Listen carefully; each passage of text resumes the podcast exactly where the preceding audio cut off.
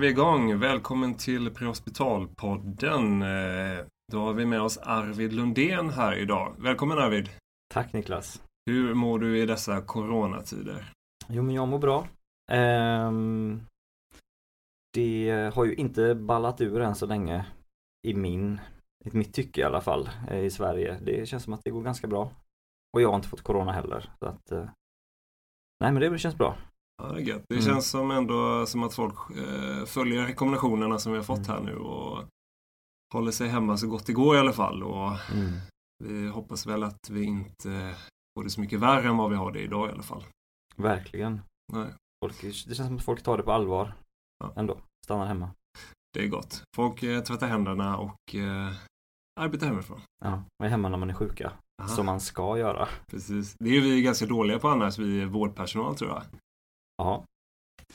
Eh, Det är vi nog absolut. Så jag tror att vi är nog ganska sådär, äh, lite sjukdom är ju inget konstigt liksom. Sådär. Nästan till att man är lite dum faktiskt. Att man går till jobbet med feber och sånt kanske. Jag tror det, i alla fall att man har lite snuva och sådär. Det Mm. tror jag folk eh, gärna ignorerar och Ja. går till jobbet med.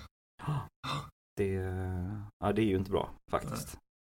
Men eh, kul att du i alla fall kunde komma hit idag trots dessa eh, coronatider. Eh, jag har ju bjudit hit dig idag för att du ska få berätta Mm. om en händelse som du och din kollega var med om för, vad är det, ett år sedan nu? Precis, det är nästan exakt ett år sedan. Ja. 19 mars förra året. 19 mars. Ah.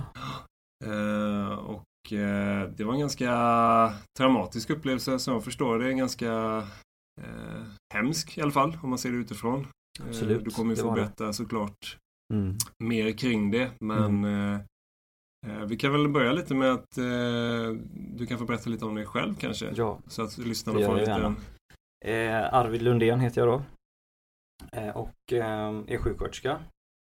Och nu jobbar jag då i ambulansen i Göteborg. Och det är ju så vi har träffats Niklas. Vi har jobbat ihop en lite grann.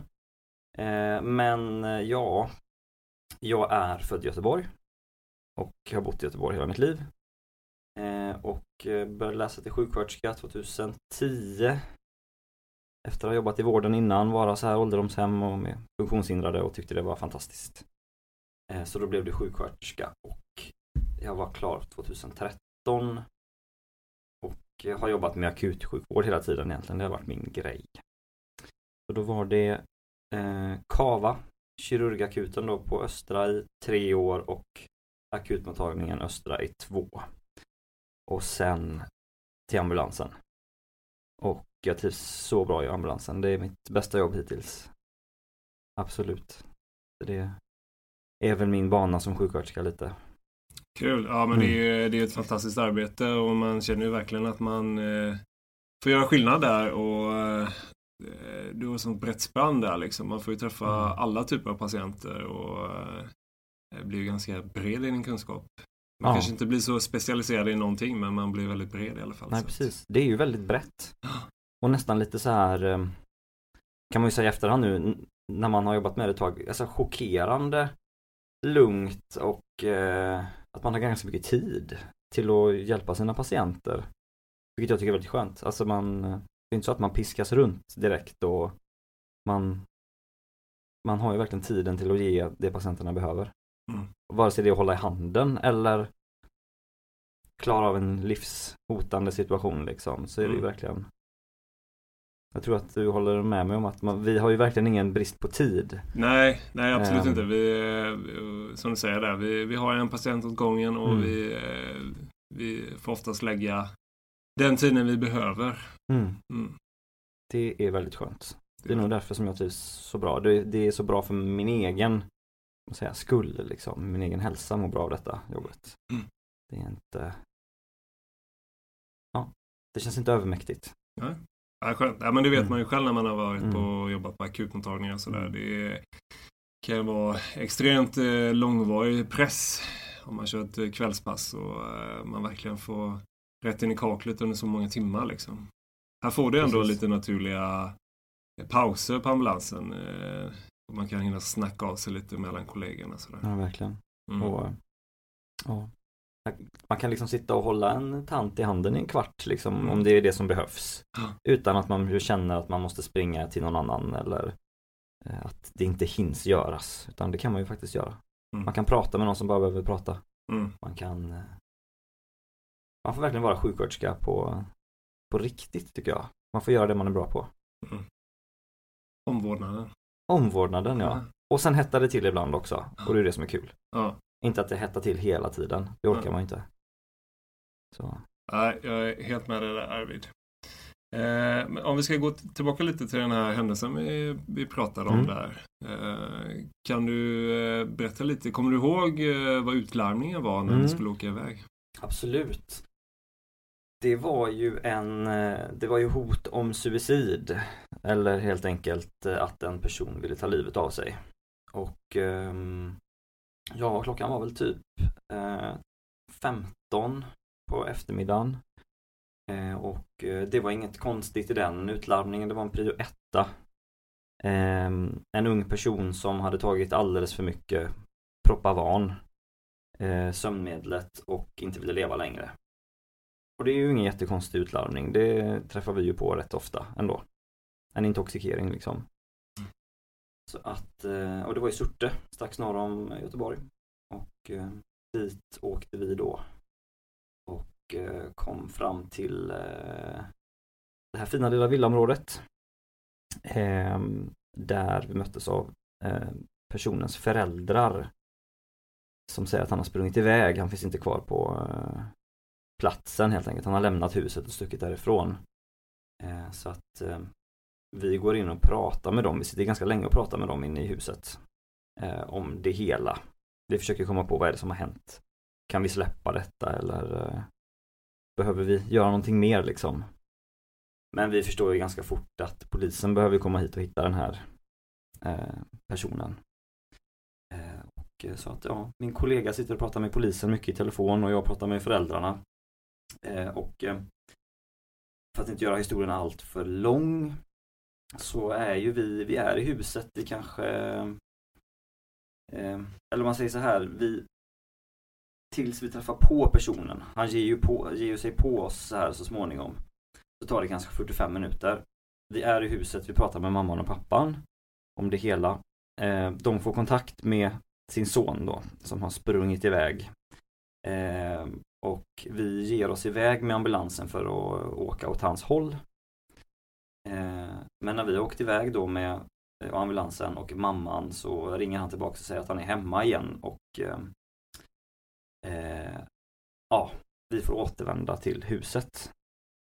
Och då eh, har vi pratat med polisen hela tiden och vi säger då att till både SOS och polisen att nu ska vi tillbaks till huset igen. För han är tillbaks och eh, vi rullar tillbaks. Mm, och när vi kommer dit så är det ju ingen polis där och eh, det är helt tyst liksom. Så och jag, min kollega och eh, mamman går runt huset och träffar på honom i eh, eh, ja, garaget eller snickarboden kan man väl kalla det för kanske. Eh, han står där inne bakom en stängd dörr med glasruta i och ehm, man ser ju direkt att han eh, är arg liksom.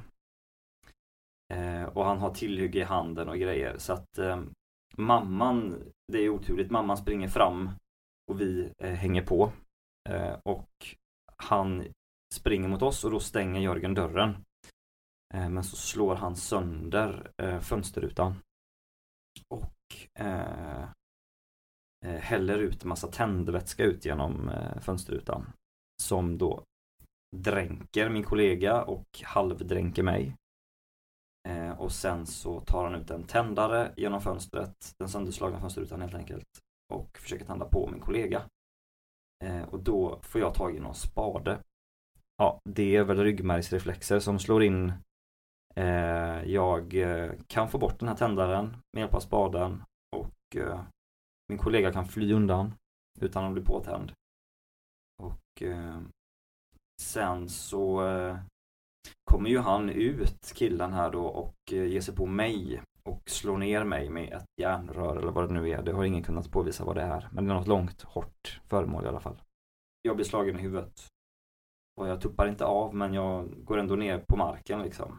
Och, eh, min kollega kan komma tillbaks och rädda mig. För då har han hittat något som han kan slåss med där. Min kära Jörgen har hittat något redskap. Eh, ja, nu känner jag blir lite långrandig här ändå kanske. Nej men det kör. Det är... Eh, men så då kan vi komma undan helt enkelt. Eh, och eh, dra oss tillbaka. Vi drar oss kanske 100 meter bort. Och jag har ju märkt med tiden att jag blöder ordentligt från skalpen och eh, mm, när han drog fönsterrutan första gången där då tryckte jag på överfallslarmet. Så att eh, vi drar oss tillbaks och ja, det lugnar sig. Eh, han och mamman är kvar på baksidan av huset. Och vi sitter och väntar i kanske en kvart, 20 minuter på att polisen ska komma. Vi ser nog ganska galna ut. Jag blöder. Jörgen håller något eh, långt järnrör i handen. Eh, och ja, väldigt konstigt. Sen kommer polisen. Och eh, ja, det är ju väldigt skönt när de kommer inrullandes. Eh, och det är ju en polisbuss eh, med två poliser och två, säger man aspiranter? Säger man så? Ja, polisstudenter. Ja, precis. Det är några aspiranter. Precis. Eh, och de eh, kommer ju snabbt förbi oss bara och kollar läget. De ser ju att vi är liksom lever Mm. och eh, att de inte behöver rädda oss utan att nu handlar det om att ta hand om eh, gärningsmannen då för Mm. deras skull och eh, vi ser att han är bakom huset och ja, de går runt och i princip direkt så börjar de skjuta. En jävla massa skott. Mm. Det är min, liksom, mitt minne av det. Och då kommer också första ambulansen så då ger jag bara upp och liksom ja, kapitulerar, släpper det jag har i händerna och går in i ambulansen. Och eh, där är min kollega Caroline som jobbar i Angered. Vet du. Ja. Och jag bryter ihop där inne. Så. Mm. Och då är liksom, då är väl händelsen över för min del. När jag känner att nej, nu är det Nu är det inte jag som behöver göra något längre liksom. Nej. Ehm, ja, och ehm, ja, han överlevde. Uh, gärningspersonen eller patienten som jag vill säga för han är ändå min patient liksom. Mm, mm, Jag var ändå där för hans skull. Mm. Eh, överlevde och fick rättspsykiatrisk vård. Helt enkelt. Mm. Så. Ehm, ja, och det är ett år sedan. Exakt nästan och det är fortfarande jobbigt att prata om det. Framförallt när man ska prata om det så här liksom eh, formellt på något sätt. Det blir lite jobbigt. Men eh, det, jag vill prata om det också för att det är viktigt. Ja. ja, men det förstår jag. Det är, det är en, eh, det är en jäkla eh, händelse som ni ändå varit med om, du och din kollega Jörgen Mm. då. Och eh, säkert för familjen där också. Hur gick det för de anhöriga där på plats? Eh, Eh, eh, de anhöriga som var med Mm, på platsen. mm, Eh, ja. Ehm, pappan såg jag inte. Har jag inte sett sen dess. Jag vet att han flydde från sin eh, son då på något sätt. Och mamman var ju med oss. Hon blev ju Och ja, när polisen kom så hade ju han liksom tagit henne som gisslan där. Eh, och ja, så att jag vet inte hur hon mår. Jag förstår att det här är en fruktansvärd upplevelse. Såklart. Jag hoppas att de mår så bra de kan. mm.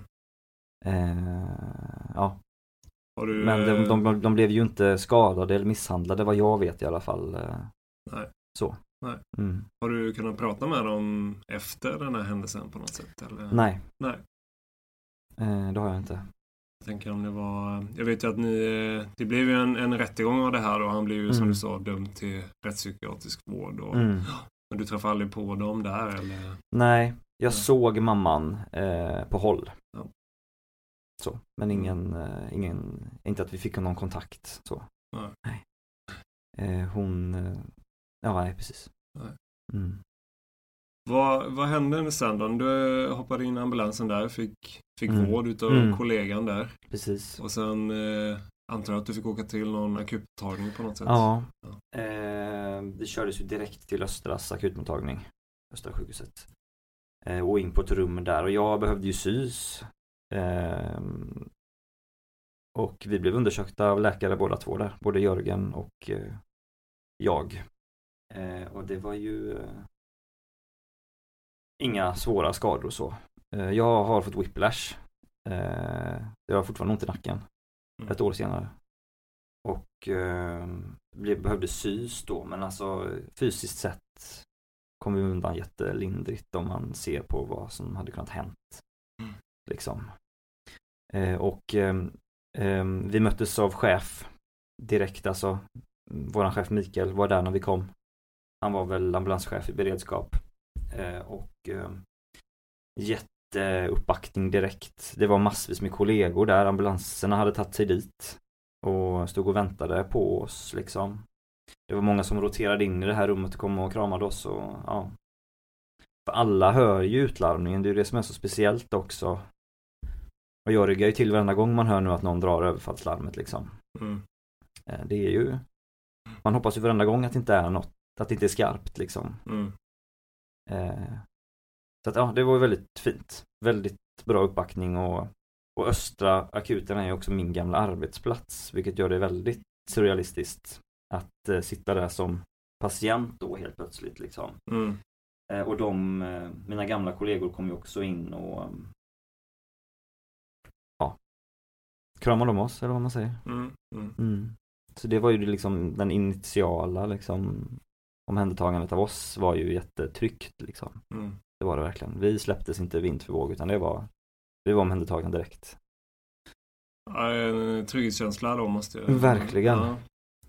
Jag tänker lite, du, är på akutmottagningen där, det kanske börjar landa lite vad det är som Mm. faktiskt har hänt. Mm. Vad, vad är det som, för känslor som kommer i dig då liksom? Är det... Ehm... Det är konstigt för vi var ju på akuten ganska länge. Vi var där i många timmar. Jag kommer inte ihåg att det var så lång tid. Så att jag var ju säkert i någon typ av chock. Eh... Och ja, det känns, när jag tänker på det nu så känns det som att ja, där var vi väl en liten stund. Men vi var där, jag tror vi var där i fyra timmar eller någonting. Ehm... Men det var liksom, ja vad ska man säga, vi skrattade och vi grät och vi, eh, alltså det var mycket känslor liksom. Mm. Ja, man var väl i uppror helt enkelt liksom. Men det var ändå ganska samlat liksom. Men det var tårar, det var skratt, det var eh, allt på samma gång liksom. Eh, Men jättechockade och framförallt så var vi, både jag och Jörgen eh, väldigt oroliga för eh, ja, hur ska våra närstående ta detta nu då? Mm. Och ehm, vi fick ju kontakta dem väldigt fort. Min tjej kom dit, hon kom till akuten för hon var på väg hem från jobbet. Och både mina närstående och Jörgens närstående kunde läsa om detta i media innan vi hann ringa dem. Det är sjukt. Hur fort det går. Det är väldigt speciellt. Ja. Dagens mediasamhälle. Liksom. Ja. Och ehm, så eh, jag vet när jag ringde eh, Julia så sa hon Va, är det du? Då hade hon ju funderat på, ha nu är det ambulanspersoner som har blivit attackerade. Mm. Eh, och precis så sa ju ungefär Jörgens eh, närstående också. Va, är det du? Så fort sprids liksom en nyhet. Mm.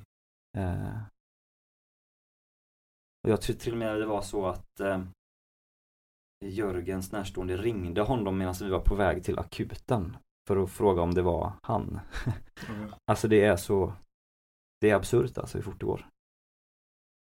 Hur har din eh, flickvän eh, varit efter detta? Har hon liksom... Tycker hon att det är jobbigt att du är kvar på ambulansen eh, och jobbar eller? Mm. Det har ju gått i vågor en hel del. Jättemycket oro ibland. Eh, och det har liksom kommit lite i eh, som i tapper. Jag skulle börja jobba natt här nu då för ett halvår sedan. Börja jobba nätter i ambulansen. Det tyckte hon var jättejobbigt. Och det tyckte jag var jobbigt också. För man vet ju att det är mer stök på nätterna på något sätt. Så då kom det verkligen som en sån liksom våg av oro liksom helt plötsligt. Att vad ska du jobba natt nu och vara ute i liksom och härja? Mm. Eh, Men eh, det har gått bra. Jag får vara på jobbet. för min tjej. Och eh, jag har ju själv vågat mig tillbaks alltså. ehm, ja. Det var min stora oro var att inte våga jobba igen. Att inte våga gå utanför lägenhetens, eh, att inte komma ut, att eh, inte våga jobba som sjuksköterska. Att jag inte skulle få jobba igen för henne eller för mina ja, andra närstående. Men så har det inte blivit. Ja. Det känns väldigt skönt.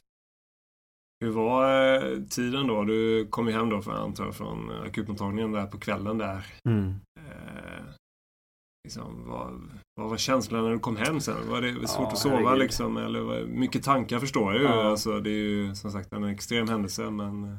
Um, jag, jag kan väl förklara det som att eh, det enda min hjärna kunde tänka på var händelsen på något sätt. Det var som att det bara snurrade i mitt huvud. Som en film som upprepas. Eh, och så var det ganska länge. Det är nog någon månad där det är så, typ. Nästan. Att det är det enda jag tänker på. I princip. Eh, och det handlar mycket om att eh, dels att händelsen uppspelar sig precis så som den var. Men också att man kanske tänker att varför gjorde jag inte så här? Hade vi kunnat göra på något annat sätt? Eller tänk om det hade blivit så här eller så här istället. Att någon av oss hade börjat brinna eller eh, att han hade slått mig över halsen eller ja, ja du förstår. Mm. Så det var liksom eh, tankarna bara malde. Eh, inte jättesvårt att sova ändå. Det är klart att det var väl kanske inte som vanligt. Men jag kunde sova. Och jag blev ju, vi blev ju direkt frånkopplade från jobb. Eh, vi fick vara hemma med full lön. Eh, vilket kändes väldigt skönt att man inte behövde tänka på att eh, ja, vad ska jag göra med jobbet nu då? Ska jag jobba imorgon eller liksom sådär? Utan nej, vi ska vara hemma och vi ska vara hemma tills vi kan komma tillbaks. Det var de väldigt tydliga med, cheferna. Mm. Hur, hur länge var du hemma efter detta? Mm. Jag, var hemma, jag var hemma i två veckor. Eh, utan att göra någonting då, alltså bara vara hemma. Eh, men under de här dagarna så åkte vi också in till eh, chefernas kontor på Gullbergs vassstationen. Så där var vi flera gånger i veckan inne och pratade med cheferna. Korta tillfällen, bara liksom vara inne och eh, ingen terapi, inget sånt utan bara vara där och få prata liksom. Och de ville väl se hur vi hade det, vilket var väldigt bra. Eh, och så var det två veckor helt enkelt och sen så smög vi igång arbetet, alltså vi började Ja, vi åkte till jobbet och tog på oss kläderna en dag bara typ. Så. Mm. Små steg. Små steg. Ja. Det var asjobbigt. Eh, och eh, sen vi började köra sjuktransport. Bara liksom köra runt i bilen, träffa patienter. Men inte att det liksom hettade till så. Det var också jättejobbigt. Eh, vi gjorde det inte fulla dagar. Men säg att det kanske tog två veckor då av upptrappning. Tills vi körde riktig ambulans igen. På en månad då kanske ungefär. Mm. På ett ungefär, jag kommer faktiskt inte riktigt ihåg. Men något sånt. Känns ändå ganska snabbt ändå. Ja, ja, det var ganska fort. Ganska snabbt. Eh, och kanske att det gick lite för fort. Men jag mår bra nu så att eh, det är väl också en balansgång mellan att för jag hade kunnat sitta hemma i tre månader också. Men det hade varit precis lika jobbigt att gå tillbaka till jobbet. Mm. Det tror jag. Ja, det där är kanske ganska individuellt också. Mm. Och, och säkert. För dig och för din kollega då, så mm. var det säkert viktigt att ni fick komma tillbaka mm. ganska snabbt. Utan att pusha på det alldeles för mycket då. Ja. Eh, men eh,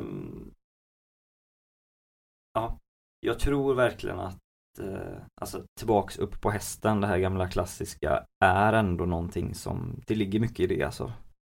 Eh, det är det kommer bli lika jobbigt hur länge man än väntar.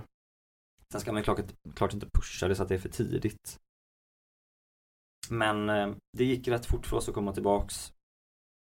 Och jag tror att det var den här upptrappningen av jobb eh, och känna den tryggheten från cheferna och ledningen som gjorde det på något sätt att det gick. Kanske att det var lite för fort men som sagt jag mår bra nu så att med facit i hand så var det ju inte för fort. Men det var jobbigt då. Mm. Ja. Vad var ditt första pass du skulle ha på ambulansen sen? Mm. Vad var liksom magkänslan när du gick till jobbet den dagen? Liksom? Ja usch, det var ju inget kul. Det var det ju inte. Eh, men vi började också bara köra, vi körde inte prio ettor på ett tag heller. Eh, Jag kommer inte ihåg hur länge det var. Jag har hört i efterhand att eh, de nog hade eh, liksom stängt av våran ambulans från ett år ett längre tag än vad jag och min kollega visste. Faktiskt. Mm. Och nog att de till och med hade sagt så att eh, skicka inte de här nu på några jättejobbiga grejer.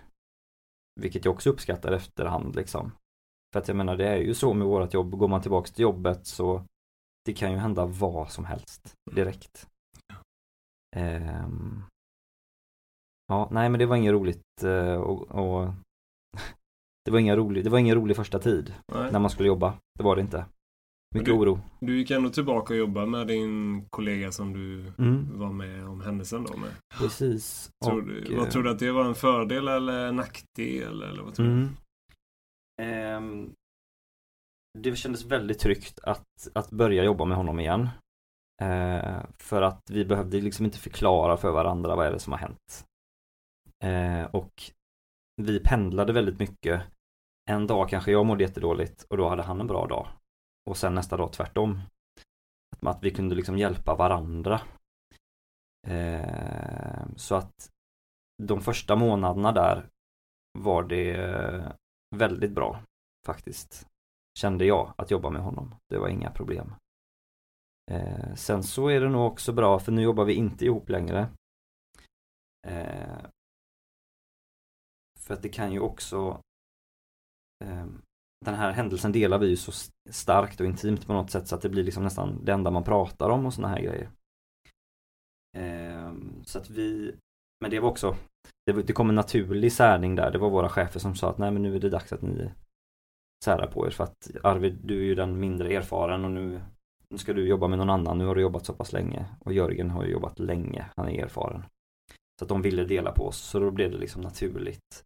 Och det har nog varit ganska bra också tror jag på något sätt att eh, man får distans till det på det sättet med. Sen så pratar jag ju och Jörgen väldigt mycket om detta eh, ändå. Så att, eh, ja. Men det var bra att komma upp på hästen tillsammans. Så om man kan göra det så tror jag det är bra faktiskt. Då behöver man inte hela tiden förklara för den man nu jobbar med att eh, jag mår så här och så här för att det här och det här hände. Och, utan det finns liksom en hundraprocentig förståelse. Vad, har ni fått någon annan typ av hjälp från ledningen? Alltså samtal eller hälso... På något sätt liksom? Ja, eh, det har vi. Vi eh, har träffat psykolog.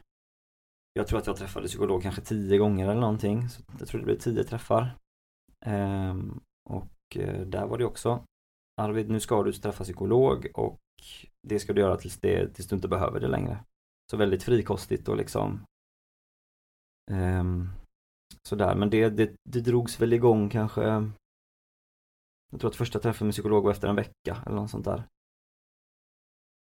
Och jag kommer ihåg att då steg jag ju in då på eh, Hälsan och arbetslivet som det heter. Som ju har hand om all vår liksom, företagshälsovård och jag tror att jag chockade den här psykologen lite med mina, mitt problem Mm. när jag kom in där. Hon är ju liksom van att ta hand om folk som har liksom blivit eh, utnötta på akuten eller liksom inte orkar med att vara på avdelningen längre, sådana här grejer och så kommer jag och säger att jag nästan blev dödad liksom. Mm. Att, ehm, men det har jag väldigt bra erfarenhet, eller liksom det gav väldigt mycket, hon var väldigt bra. Mm.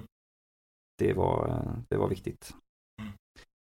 Och ehm, det var mycket att man, alltså det är mycket annat som poppar upp i, i huvudet när något sånt här händer tror jag. För hon och jag pratade inte så himla mycket om själva händelsen faktiskt egentligen utan det är ju mer om livet i övrigt. Eh, och det förklarade hon ju för mig sen efteråt att det är mycket det det handlar om vid så här traumabehandling att liksom att man tydligen ska stärka personens liksom trygghet runt omkring liksom. Få Mm. personen att läka sig själv mycket liksom. För det är liksom tydligen är liksom inte ja, i akutskedet som ju ändå jag var ju hos henne bara under den närmsta tiden där eh, det är inte så lätt för en psykolog att liksom bara göra det ogjort eller liksom läka någon psykiskt utan det är ju man måste ju läka sig själv på något sätt genom närstående och trygghet från andra håll. Mm. ja. Helt enkelt. Nu känns det bara som jag babblar på här. Men... Nej men det är, det är så det är. Det är intervjupodd här. Det är, Precis. det är så det ska vara. Ja. Men du, du nämner ofta det med dina anhöriga där. Vad har de eh, De har varit en stöttepelare förstår jag? Mm. Ja. Eh, verkligen. Eh, min, ja, min tjej Julia eh, har ju eh, varit det absolut viktigaste av allt. Eh, herregud, jag vet inte hur det hade gått utan den tryggheten. Um, och likaså, jag har ju mamma och pappa i stan här och min bror. Ja, nej, det var ju jätteviktigt alltså. Mm. Uh, och jag tror att det är ju väldigt individuellt hur man tacklar en sån här uh, händelse. Och även vilken dagsform man har kanske. Vart man är i livet. Eh, har man någon att komma hem till till exempel? Eller har man, eh, har man problem socialt? Det är klart att det blir svårare att komma tillbaks då på något sätt om man inte kan landa i något liksom. Så jag är väldigt glad att jag ändå, jag har ju haft en, en bra period i mitt liv här nu liksom. Eh, ja. Mm. Eh, det har ju hjälpt till otroligt mycket. Hur har bemötandet från dina, eller våra kollegor varit sista året skulle jag säga? Och... Mm. Eh, väldigt fint. Eh,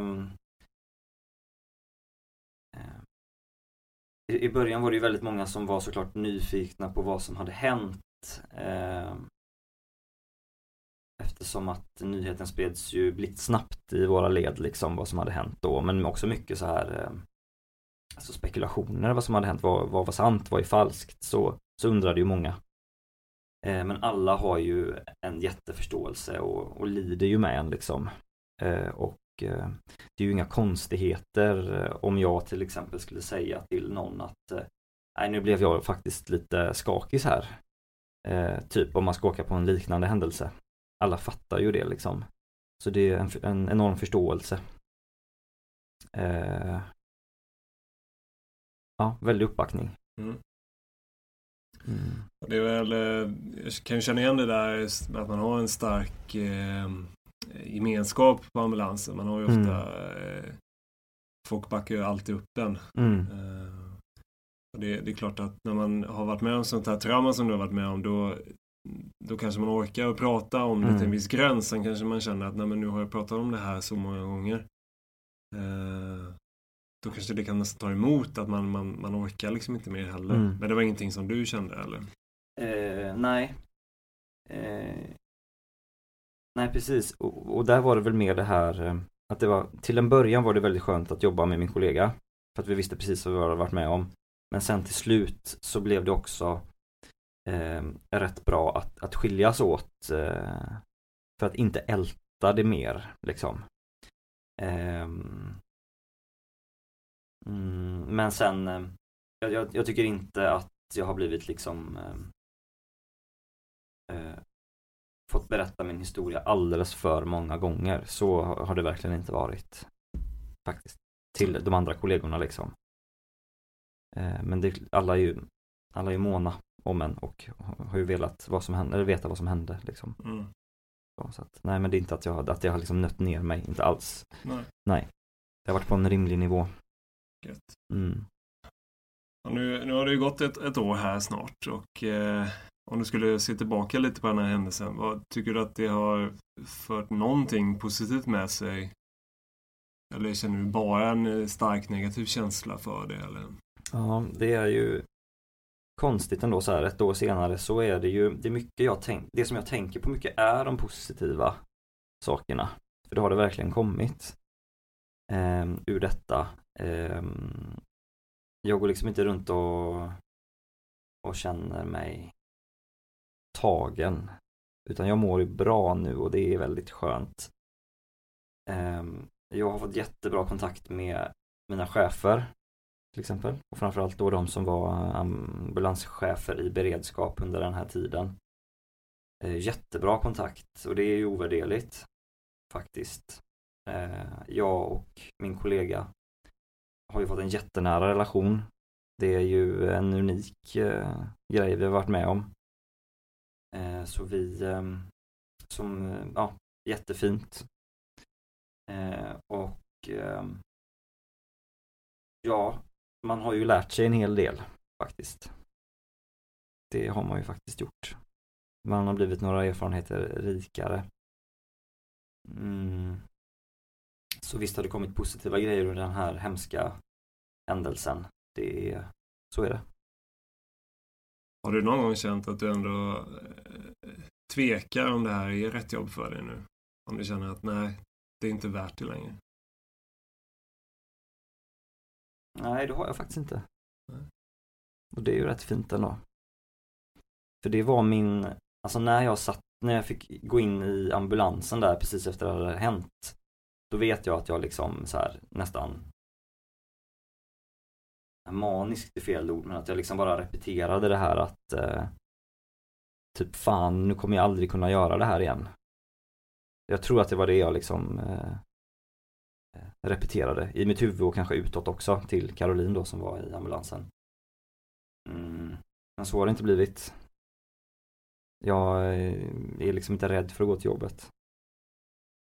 Och eh, ja, eh, när det hände så hade jag också en period när jag kände att jobbet var extremt roligt. Eh, och det tror jag gjorde att jag också starkt kände att jag måste tillbaks till det här liksom. Um, ja, så att uh, nej, Nej. det har jag inte tvekat på. Faktiskt. Skönt. Inte innerst inne i alla fall. Ja. Känner du eh, själv eh, att det kanske skulle behövas någon mer utbildning på något sätt för att kunna bemöta den här typen av eh, händelser? Eller tror du att man får ta det lite som det kommer? Mm. Eller tror du det fanns någonting som du skulle kunna ha fått med dig tidigare som hade gjort att situationen hade blivit annorlunda på något sätt? Mm. Ehm, jag tycker ju absolut att vi borde ha mer utbildning i alltså, självförsvar och då är ju inte bara i hur man slåss såklart utan i självförsvar så tänker jag ju mer det här liksom hur man för, förutser saker och ting och kanske förebygger att det ballar ur. Eh, vilket jag ju kan tycka är lite tråkigt att vi inte har, det har vi ju ingen utbildning i överhuvudtaget.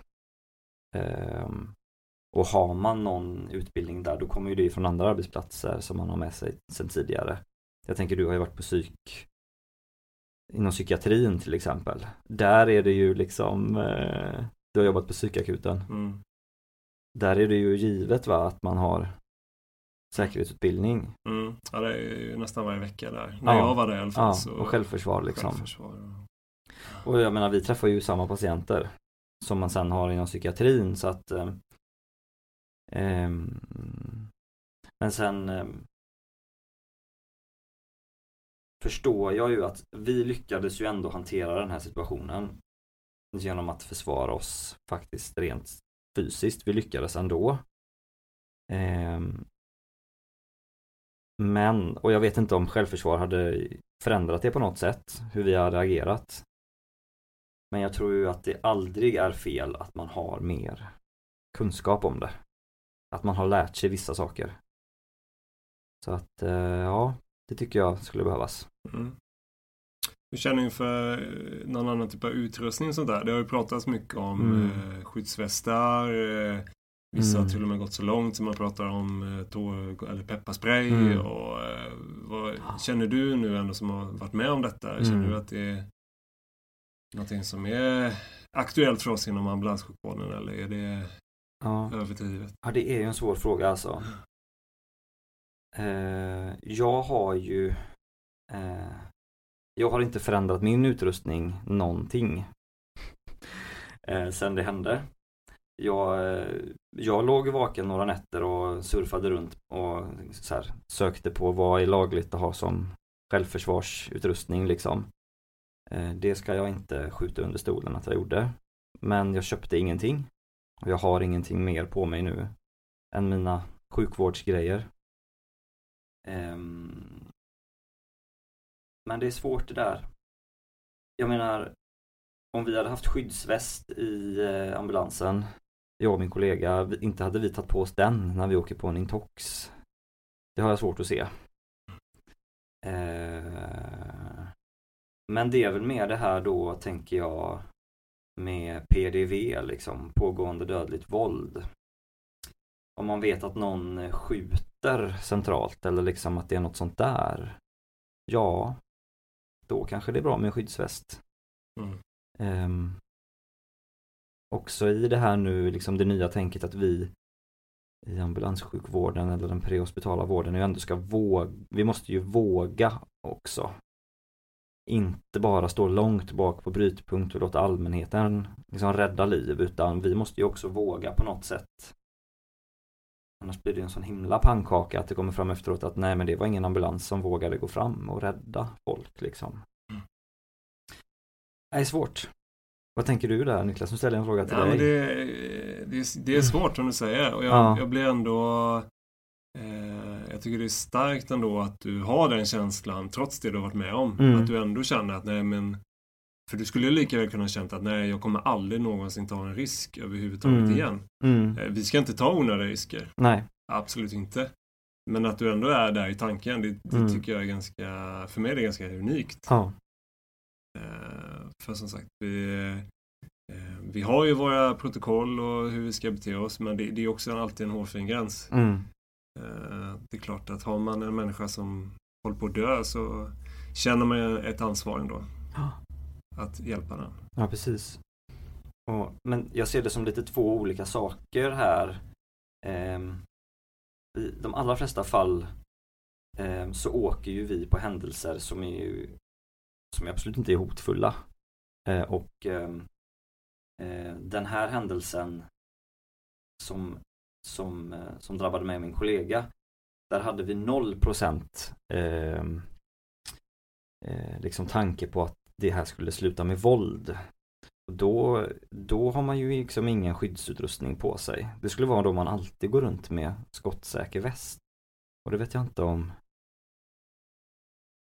det känns ju inte som någonting som vi ska göra i ambulansen kanske, eller hur, hur känner du för det? Det är, det är supersvårt. Det, vi är ju ändå ganska förskonade än så länge mm. i Sverige. Mm. Att vi har ju inte eh, haft så mycket våld ändå mot eh, blåljusorganisationen. Mm. det får vi vara jätteglada för. Ja. Eh, man ser ju om man tittar på landet på andra sidan, liksom, eh, den stora sjön, så har ju de haft mycket mer problem med det. Liksom. Mm. Och där, där har man ju en annan typ av verksamhet också. Men mm. Svår fråga. Eh, jag tror inte vi har några Nej. riktigt bra svar på det heller. Men, men sen jag kan ju Å, å andra sidan då, det här var ju den van, en, en vanlig ett vanligt ambulansuppdrag men skulle det komma misstanke om terroristattack eller någonting Ja, då skadar det väl inte att kunna slänga på sig någonting kanske. Mm. Jag vet inte. Nej, absolut. Man borde kanske kunna ha något eh, lager på något sätt i alla fall. Mm. Eh, eller en, en typ av uppsamlingsplats där man kan ta på sig lite Precis, grejer. Ja, men absolut. Ja. Det behöver inte ligga i ambulansen när man åker runt och gör de vanliga uppdragen. Nej, eller precis som att man har en, en, eh, en skyddsmask mm. som man använder vid vissa tillfällen så kanske man skulle kunna ha en skydds ja, väst då, ja. till exempel. Mm. Men ja, vi får se var jag hamnar i frågan. Det är väl i alla fall någonting som kan bli aktuellt i framtiden kanske. Om man tittar lite på hur du jobbade för ett år sedan kontra hur du jobbade idag. Är det, har du ett annat tankesätt med dig när du åker på vissa typer av patienter eller är det kanske alla patienter? Eh, är det någonting som har förändrats för dig tycker mm. du? Um, Ja, alltså det har det ju absolut gjort. Um, då saknade vi väldigt mycket information liksom om vad det var som hände. Och det var också det som gjorde att det kanske gick som det gick. Så jag har ju liksom verkligen tagit till mig här nu att försöka få så mycket information som det bara går på vägen ut. Eh, jag har nästan som standardprocedur eh, nu att jag ringer till psykiatrin pratar med dem om de vet någonting om den här personen. Ehm, och det hjälper jättemycket, tycker jag.